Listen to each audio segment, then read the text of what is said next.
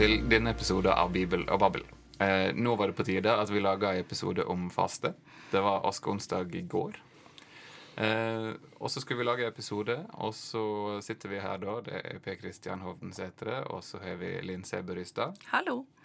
Eh, og så skulle vi lage en episode om faste, så lurte vi på hvem er det vi skal invitere som gjest da? For vi kjente ikke oss helt kompetente sjøl. Eh, men så har både Linn og jeg har i det siste, eller jeg har lest i det siste, Linn har lest før, eh, 'Kunsten å forme livet plastisk teologi' av Stian Kilde Aarebrot.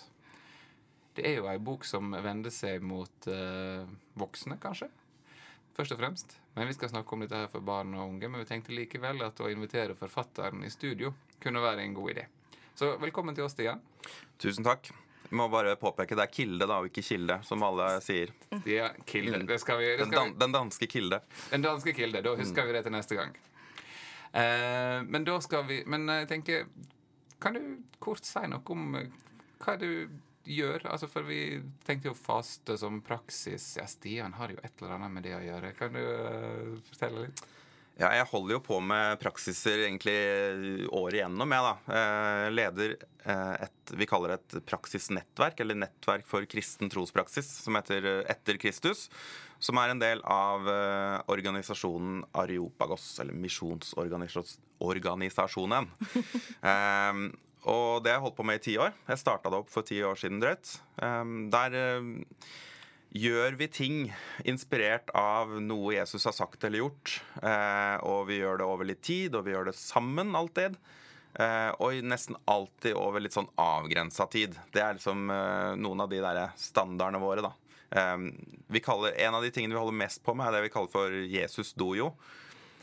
Som er en liten Altså Navnet er en liten lek med ord. Dojo er det en japansk ordet for karatestudio, eller der du lærer kampsport. Og vi forsøker jo å si noe, men Det er litt farlig å si det på MF, men jeg tror jo at man lærer å følge Jesus. Eh, I alle fall må man litt på karatestudio, ikke bare sitte på studiepulten. Ja, hva slags folk er det som er med på en sånn Jesus-dojo, sånn typisk? Det er uh, veldig mye ulike folk. Eh, for å begynne i den negative enden, de vi sjelden ser, er barneforeldrene. Eh, litt sånn som i Frivillighets-Norge generelt, kanskje. Eh, og jeg kjenner jo meg sjøl igjen. Jeg hadde kanskje ikke vært der så mye for tiden hvis jeg ikke var for at det faktisk var jobben min. Det er vanskelig for barneforeldre å komme seg ut og gjøre noe på den tiden vi arrangerer ting. Utover det så vil jeg si at eh, de yngste er gjerne 19-20 år. Og så eh, er det ikke helt uh, ubetydelig antall folk eh, over 50. Så, men så er det de der eh, 34 til 44. De ser vi ikke så mye av. Og er det da alle typer kirkesamfunn? Og, altså det er eh, økumenisk? Definitivt. Og det er også uh, innimellom folk som kaller seg ikke-kristne, som er med. Spennende. Men, eh, men du skrev også ei bok eh, i forlengelsen av dette, så vidt jeg har forstått. Ja, eh, denne kunsten å forme livet er jo på mange måter en sånn Nå er det på tide å skrive noe om alle de erfaringene vi har gjort oss. Og så begynte jeg å skrive, og kjente ganske raskt på at oi, er, her må jeg nok også lese litt. For det var veldig mye Altså særlig nevrovitenskapen, da, hjerneforskningen, og også en del sånn ting som kalles viljestyrkeforskning og altså helt tatt forskning på praksis, da, hva som skjer når man gjør ting, um, som jeg ikke var så opplest på som jeg kanskje trodde jeg var. Uh, så istedenfor å bruke et år på den boka, så brukte jeg tre. Mm. Hvorav to av dem kanskje var å lese.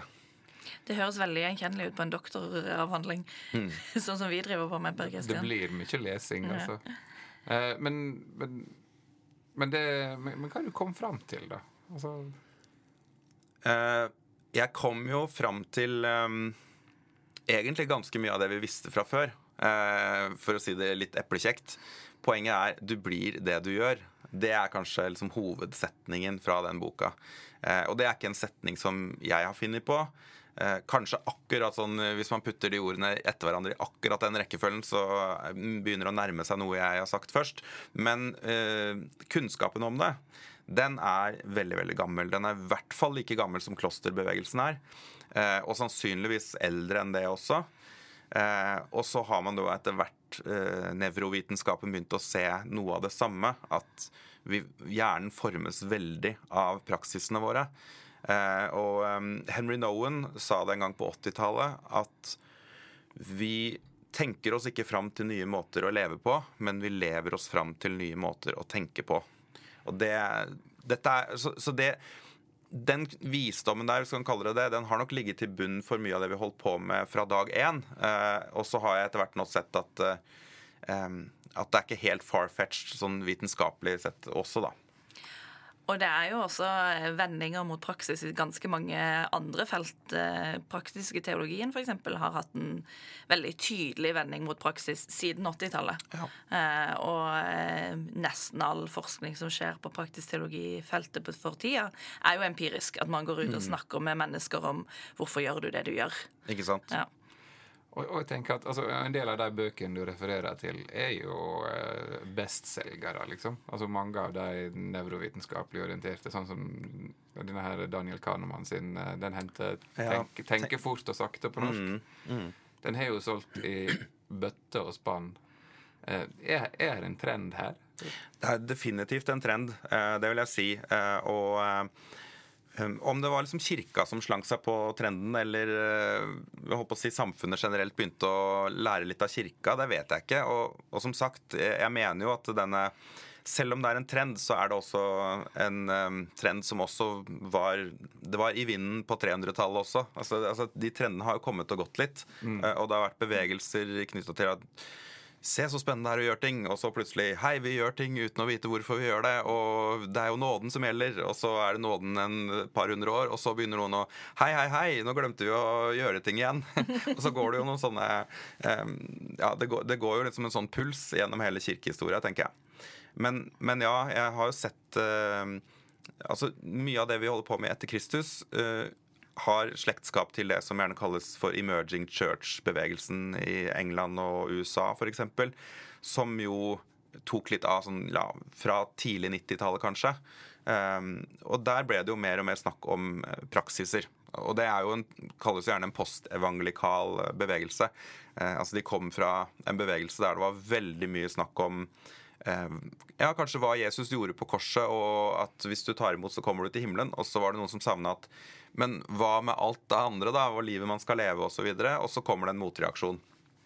Eh, og den eh, tror jeg har holdt på en stund, og den har vært veldig sånn på utsiden av kirkesamfunnet en stund. Og så har den bare mer og mer begynt å påvirke mainstream-kirka. Og nå ser vi det for fullt komme omtrent overalt, da, tenker jeg. Ikke minst når store navn som NT Wright eh, begynte å ta tak i de samme trendene. da. Ja, Og den boka som heter 'After You Believe', den er vel fortsatt ikke oversatt til norsk? Nei, den er ikke det. Eh, men den, den starta jo med sånn innledningskapittel med litt sånn frustrerte kristne i 20-30-årsalderen som lurer på ja, men hva skal vi gjøre nå. Mm. Eh, nå har vi fått barnelærdommen, nå er vi på en måte i mål, og så er det ingenting mer for oss her. Ikke sant. Eh, er det den type, er det den type motivasjoner folk har for å oppsøke etter Kristus? jeg, jeg, tror jeg må velge å bare snakke for meg sjøl. Ja. Så, så, vil jeg jo si at eh, jeg har jo, og jeg vet mange andre har også vokst opp med en sånn litt sånn flauhet over å være kristen. Og det første flauheten der, Jeg har to fas, sånn kristenflauhetsfaser. Den første handla om at kristne var relativt kjedelige folk. Eh, og det var flaut å bli satt i den båsen.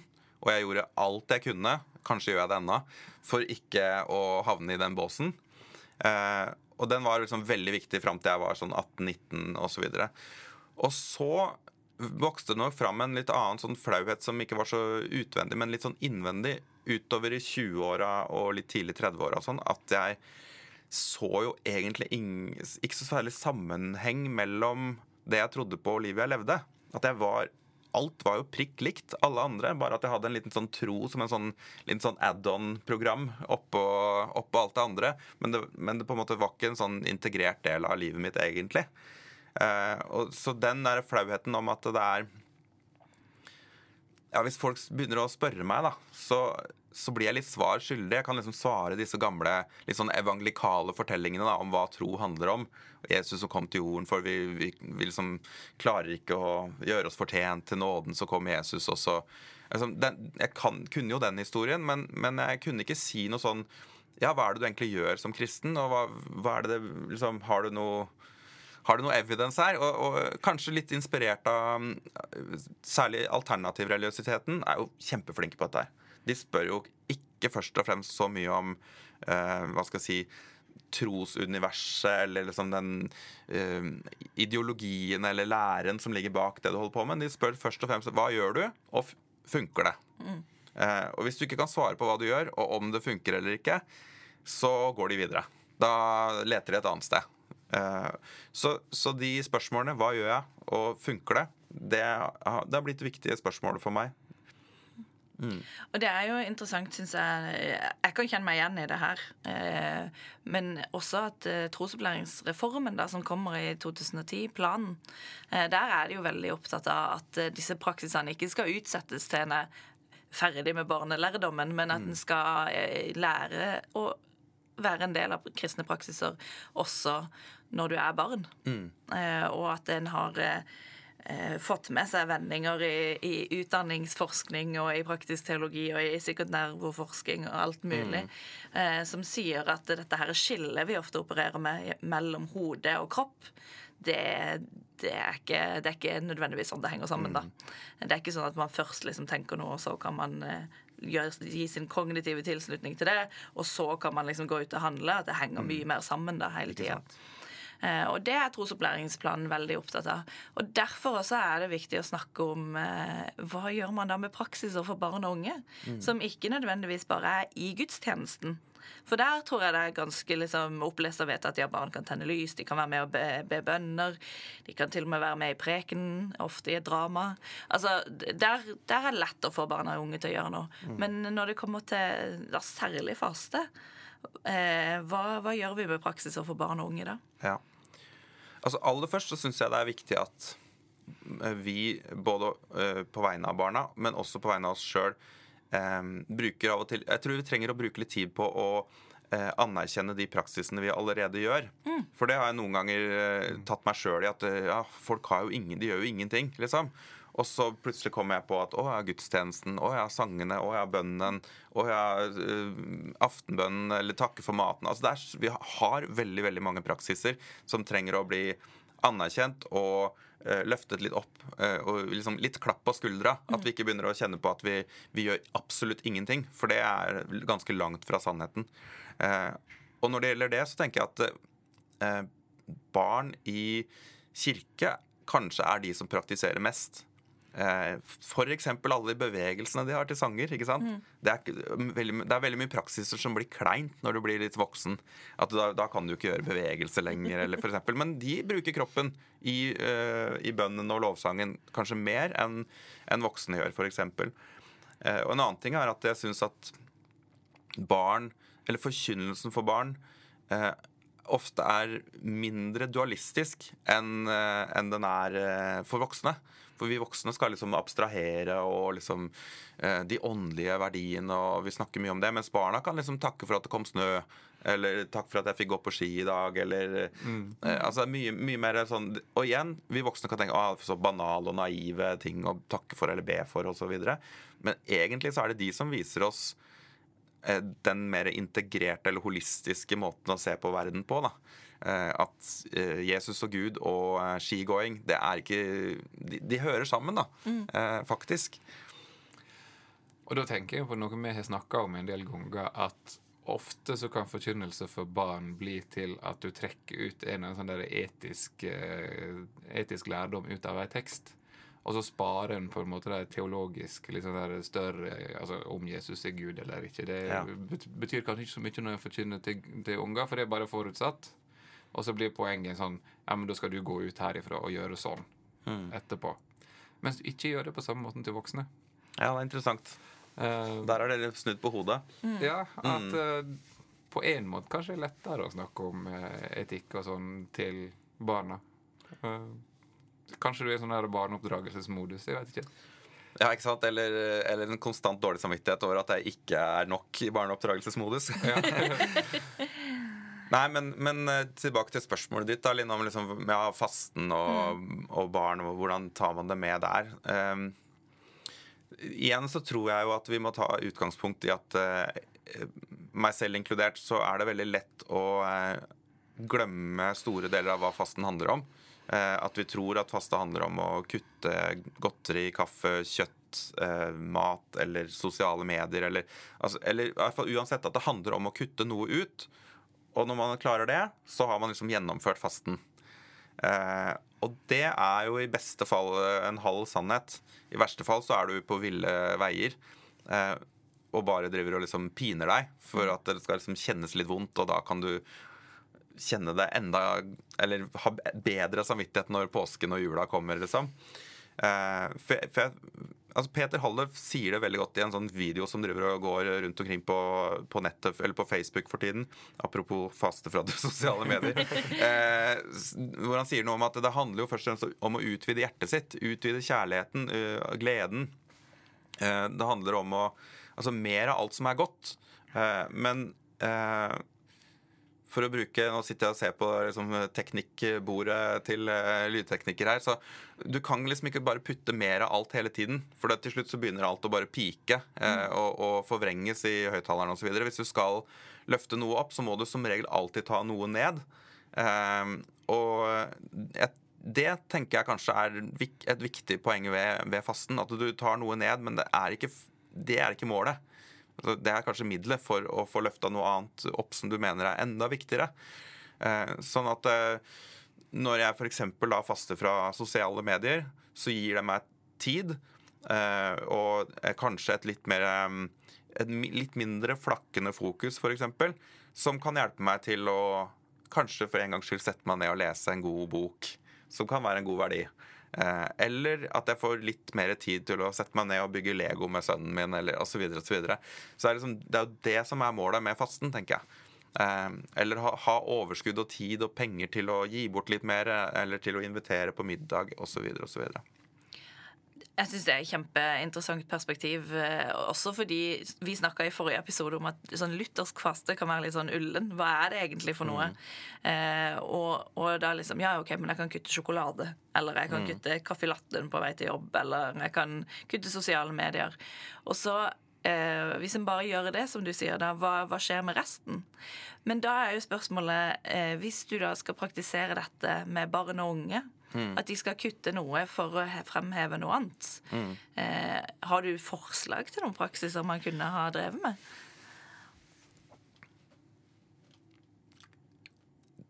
Eh, tja eh, eh, Jeg må ta litt sånn from the top of my mind her. Men det, det kunne handla om at man La oss si man prøver én gang i uka. Så sier i, i dag skal vi ha havregrøt til middag. Det er ikke så vondt. Det er jo ganske ålreit med havregrøt. Men du verden hvor mye penger man sparer på å ta en havregrøt istedenfor eh, et eller annet som koster 100-150-200 kroner. Mm. Og så sier man, øh, og de pengene vi sparer nå, de skal vi rusle bort til tiggeren på gata og gi bort. For, og, og, så ser man at det er en sammenheng for mellom å mm. spare penger og gi bort penger. da. Fordi det er jo aldri et mål f.eks. å spare penger i seg selv. Eh, det må jo liksom være for en grunn. Mm. Eh, og da, da, kan man jo f.eks. se en kobling der, da. Eh, men jeg tror jo Jeg tror hele tiden på at det viktigste er å begynne med seg selv. Og så kanskje åpne litt opp for barna. At de, eh, hvis de f.eks. legger merke til at du leker mer med barna enn du pleier å gjøre. Eh, og si noe om at jo, men det er fordi nå er det faste for tida. Og jeg har bestemt meg for at jeg, et mål i fasten er å ha mer tid til å ha det gøy med dere barna mine. Og en av måtene jeg gjør det på, er at jeg har, slutt, jeg har lagt bort mobilen min eh, på ettermiddagene. At de ser det og mm. forstår at jeg driver med noe for at noe annet er viktigere. Jeg tror kanskje det er det eh, aller viktigste. At de ser At de rett og slett ser troen min i praksis. Ser troen vår i praksis. Eh, så vil man Barn er jo mestere i å etterligne og huske tilbake på hvordan vi var da de vokste opp. Det er jo et lite poeng fra, fra boka mi også, som Dallas Willard uh, har skrevet, at uh, folk vil glemme så å si alt vi har sagt, men de vil aldri glemme hvem vi var. Eller liksom personligheten vår, karakteren vår. Det er den som kommer til å sitte igjen, og det er den som, kommer til å, det er den som først og fremst forkynner. da. Eh, Så hvis vi sier en ting og gjør noe annet, så er det det vi gjør, som kommer til å forkynne. Eh, Det er det vil- folk vil huske. Ja. Da, men da blir det her veldig sånn altså i en familiekontekst at uh, foreldre har mulighet for å drive trosopplæring ved eksempel, rett og slett. Ja. Jeg tror kanskje det er det aller viktigste. Eh, og det hjelper Altså, det finnes en del eksempler på folk som har hatt ganske sånn nitidig trosopplæring. I, altså barna eh, Når de er 18, så har de veldig mye bibelkunnskap.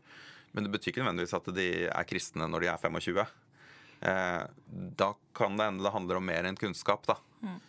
Så, så jeg, jeg tror det altså Nå sier jeg ikke at man skal slutte med å liksom, formidle Bibel, men det må være en sammenheng mellom det du formidler, og den du er, og måten du er på.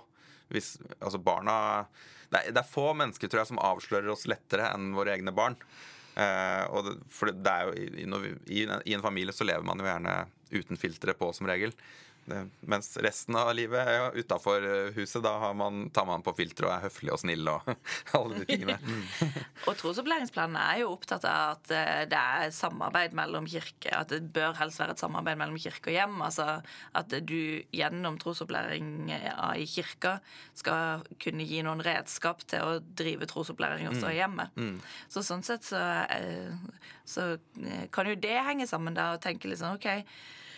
Hvis du da er trosopplærer eller prest eller kateket eller diakon et sted, tenker um, hvordan kan jeg inspirere foreldrene til de som kommer på trosopplæring, til å ta med seg noen av disse eh, praksisene hjem? Og drive med det hjemme i fasten? Og egentlig så er det, det er interessant når vi snakker om disse tingene, at fasteaksjonen, altså Kirkens Nødhjelp sin fasteaksjon, har jo vært sånn lenge. Altså Jeg vet ikke når de begynte, men både Linn og jeg snakka om at vi husker disse små lilla bøssene eh, som vi fikk med oss hjem og samla penger gjennom hele fastetida. Eh, og at det har vært en sånn kobling mellom forkynnelsen i kirka og det en har gjort hjemme. Eh, er, det, er det egentlig den type ting du snakker om? Ja, jeg tror det. eh, Jeg, jeg, men jeg tenker at det, vi kan Ikke bare kan, men vi ender alltid som regel innimellom opp i en grøft. Eh, og denne grøft Altså i som en sånn rød tråd gjennom hele Bibelen så har det jo vært to grøfter. Hvor det ene handler om en sånn veldig sånn indre spiritualitet, der man ikke bryr seg om de fattige og altså de som faktisk trenger hjelp. Og så har man nok av og til også havna i den andre grøfta at uh, kristen tro handler om å hjelpe folk.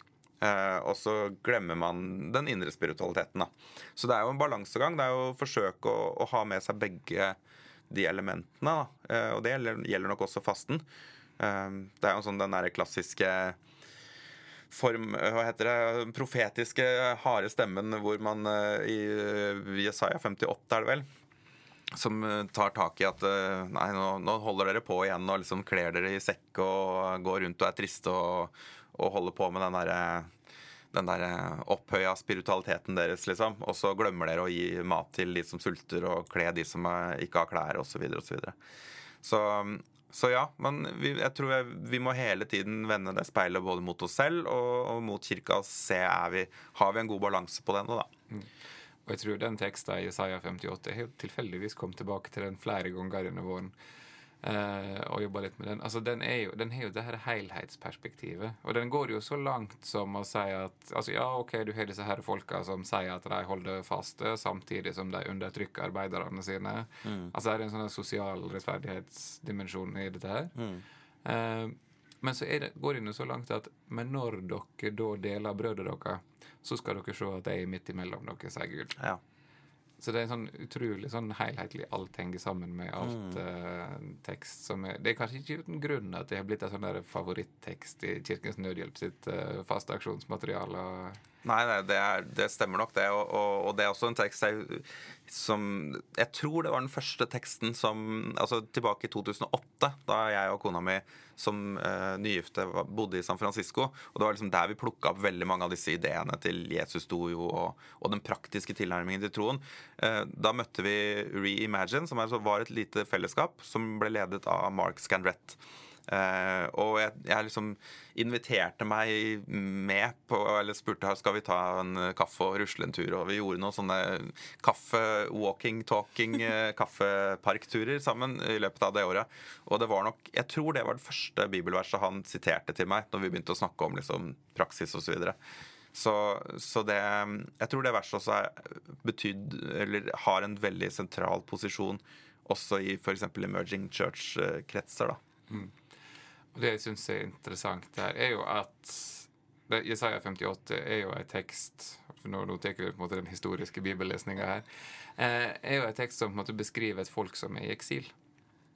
Eh, som fortsatt ikke har kommet hjem til det landet de skal ha. Ting er ikke i orden. De har ikke kontakter med Gud gjennom tempelet. Eh, de har den sosiale uretten som et tegn på at ting ikke er i orden.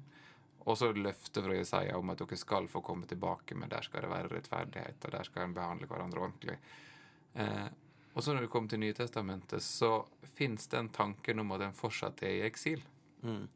Eh, og det er jo Anti Right for andre ganger i denne mm. episoden. En av de som har argumentert tyngst for at det ligger der som en sånn grunnleggende forutsetning for evangelias forkynning. At det Jesus gjør, er å føre folk tilbake igjen til et sånt land som Messias og gjenopprette tempelet, gjenopprette kontakter med Gud.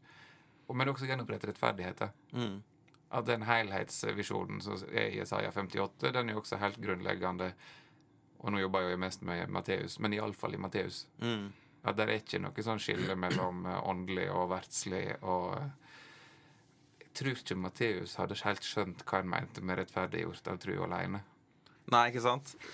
Og Det er interessant du nevner NT Wright der. fordi altså, Det er noe av det fineste jeg har lest i Jeg, jeg tror det også er eh, altså, Det er både i denne After You Believe, men også denne Surprised by Hope, hvor han snakker mye om eh, himmelen eh, altså, som skal komme ned over jorden. Vi skal leve på jorden med himmel og jord eh, forent.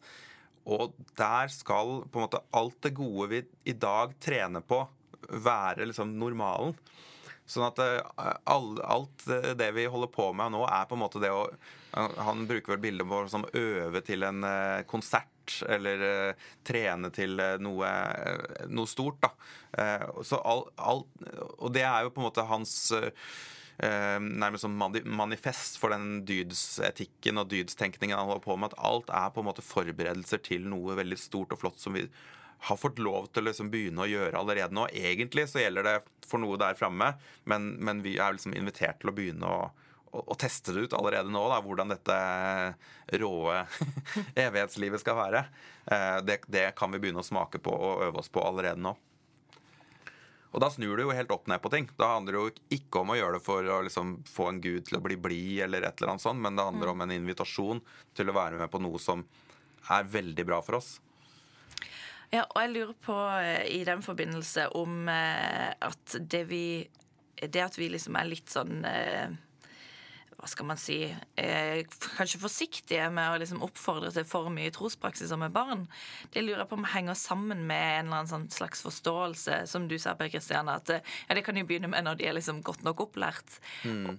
Eh, så tenker jeg at hvis en skal ta barneteologien på alvor, og hvis en skal ta eh, mye av det jeg har forska på alvor, så er jo mange av disse barna allerede troende mennesker. Mm. Eh, og, og flere av de er jo opptatt av praksisene. Altså, jeg gjorde det. Jeg ba til Ja, når jeg En av de i mitt feltarbeid sier jo, men jeg ba jo jeg ba om at den og den skulle bli frisk, f.eks. Mm. Og han veldig sånn De ber definitivt, selv om dette her er barn som kommer til kirka kun når det er trosopplæringstiltak. Også kanskje til jul. Kanskje til 17. mai var det noen som hadde tradisjon på. Mm. Men sånn veldig typisk folkekirkekristne barn, da. Mm. Som er veldig bevisst over at jo, jo, men eh, når jeg tente det lyset, så ba jeg. Mm. Eh, sånn at de er bare, Jeg tenker barn er jo hvis en skal ta på alvor at de allerede er troende, så må en jo også la de få lov til å gjøre noen praksiser. Mm. Eh, sånn at en ikke får den derre eh, skille, som kanskje du opplevde, og som, kanskje, som jeg òg kjenner meg igjen i har mm. opplevd. At eh, ja, ja, men nå tror jeg jo på alt dette her. Jeg har, tror jeg har forstått det sånn cirka. Mm. Men hva skal jeg gjøre med det? Hvilken konsekvens har det for livet mitt? Mm. Og det er jo også en del av trosopplæringa. Jeg er jo opptatt av at det skal få eh, konsekvenser, eller det skal være viktig for livsmestring og livstolkning for barna, mm. det som skjer i trosopplæringa. Og i min forskning så har jeg jo funnet ut at det er der det er der liksom det er vanskelig å få Altså det er vanskelig å få til. Særlig i forkynnelsen. At dette her henger sammen med mitt liv. Nettopp. Ja, Hvordan får vi til det? Og kanskje praksisene er en sånn nøkkel til å, å få til den sammenhengen, da. For hvis det er der det brenner når på en måte, disse her ungene er ferdig med trosopplæringa, da på en måte nærmer seg 18-19 og flytter hjemmefra og ut av det på en måte vante sammenhengene. og Veldig mange har jo da fortalt om et tap av relevans. Altså, Hva betyr denne trua egentlig? Ja, ja. Ofte, og det er sikkert fordi teologer som har drevet med denne forskninga, så har en jo tenkt at det, men det handler om det kognitive, det handler om det intellektuelle, og få på en måte det teologiske verdensbildet til å henge sammen. Mm. Men her er jo en sånn praksisbit også. Altså, Hva betyr det i praksis? Ja, når, jeg, når jeg flytter fra Kristiansand til Oslo, eh, da er det ingen som passer på at jeg går på gudstjeneste lenger. Kommer jeg da til å fortsette å gå på gudstjeneste, eksempel? Gud, pass på, han ser deg. Ja, men det er ingen sosiale Nei, nei, men ja, du har jo for så vidt det. Eh, Men det er jo noe som eh, flere, i hvert fall i min teologistudentgjeng, de jeg gikk sammen med, så var det jo flere som liksom kjente på den friheten av endelig kunne liksom slippe unna alle praksisene. Ja, ja. Absolutt. Nei, altså, jeg, jeg tror at du, den derre koblinga som, eh, som du etterlyser, og som du ser kanskje mangler litt, det, det viser at for veldig mange så er troen litt som en sånn app på telefonen din. Eh, og på et eller annet tidspunkt så er, blir ikke den appen så interessant. Den blir utdatert, eller den, du skjønner at du trenger den jo egentlig ikke, eller et eller annet sånt. Og så sletter du den. Eh, og putter inn en annen app, eller et eller annet sånt. Istedenfor å tenke at troen må liksom være selve operativsystemet. Eh, for den kan du ikke bare ta bort eh, uten videre, uten at eh, du må gjøre en ganske grundig reforhandling av veldig mye. Men så, så den der indre sammenhengen mellom liv og lære, liv og Eller lære og egne tanker og filosofier og osv., osv., den, den er helt essensiell. Og jeg tror kanskje også, hvis jeg skal liksom tilbake til liksom, hva, hva, slags praksis, hva slags praksis kan man liksom invitere barna med på, så tror jeg jo egentlig at vi kan gjøre mye av det samme som det jeg gjør når jeg leder en Jesus-stojo eller en annen samling eh, for voksne. Nettopp at det er egentlig ganske sjelden at jeg sier at til neste uke skal vi gjøre sånn og sånn og sånn. Det jeg ofte gjør, er at vi tar utgangspunkt i en tematikk eller et bibelvers, eller et eller annet sånt, og så begynner man å, å drodle sammen i en liten gruppe. Liksom, hva, hvilken, eller hva er det dette kan tilsvare i dag? Hvordan Er det noen ting det, du kunne tenke deg å liksom, plukke opp som kan være inspirert av det vi har lest og snakka om her, osv.? For da dukker det opp noen egne ideer, og de egne ideene de har man et helt annet eierforhold til, og har en helt annet momentum for å liksom faktisk gjøre det, da enn når man blir liksom tredd en idé nedover huet. Så, så det tror jeg nok også at det er, det er mulig å eh, ha sånne samtaler med barn eh, når man sitter og spiser eller et eller annet sånt, eller i etterkant av at man har vært på gudstjeneste, eller å snakke noe om at ok, nå er det faste, og det vi holder på med, det viktigste greia med fasten er at vi skal liksom bry oss om det som er aller viktigst for oss. Eh, Det å være gode mot andre, det å sørge for at folk ikke er lei seg og har det, eh, har det kjipt osv. At vi som familie skal ha det godt og hyggelig sammen osv. Har dere noen ideer hva, hva kunne vi gjort da for at det skulle blitt sånn og sånn? Og da vil sannsynligvis mange barn komme opp, de er jo ofte mye mer kreative enn vi, eh, komme opp med gode ideer på hva man faktisk kan gjøre, da. Vi må invitere Elin på middag. Eh, Hun eh, er litt trist for tida, og jeg tror mamma og pappaen deres krangler. ikke sant? Plutselig så kommer den ideen, og så ja, da har du en faste praksis. Vi gjør det én gang i uka, osv. og så videre. Ja.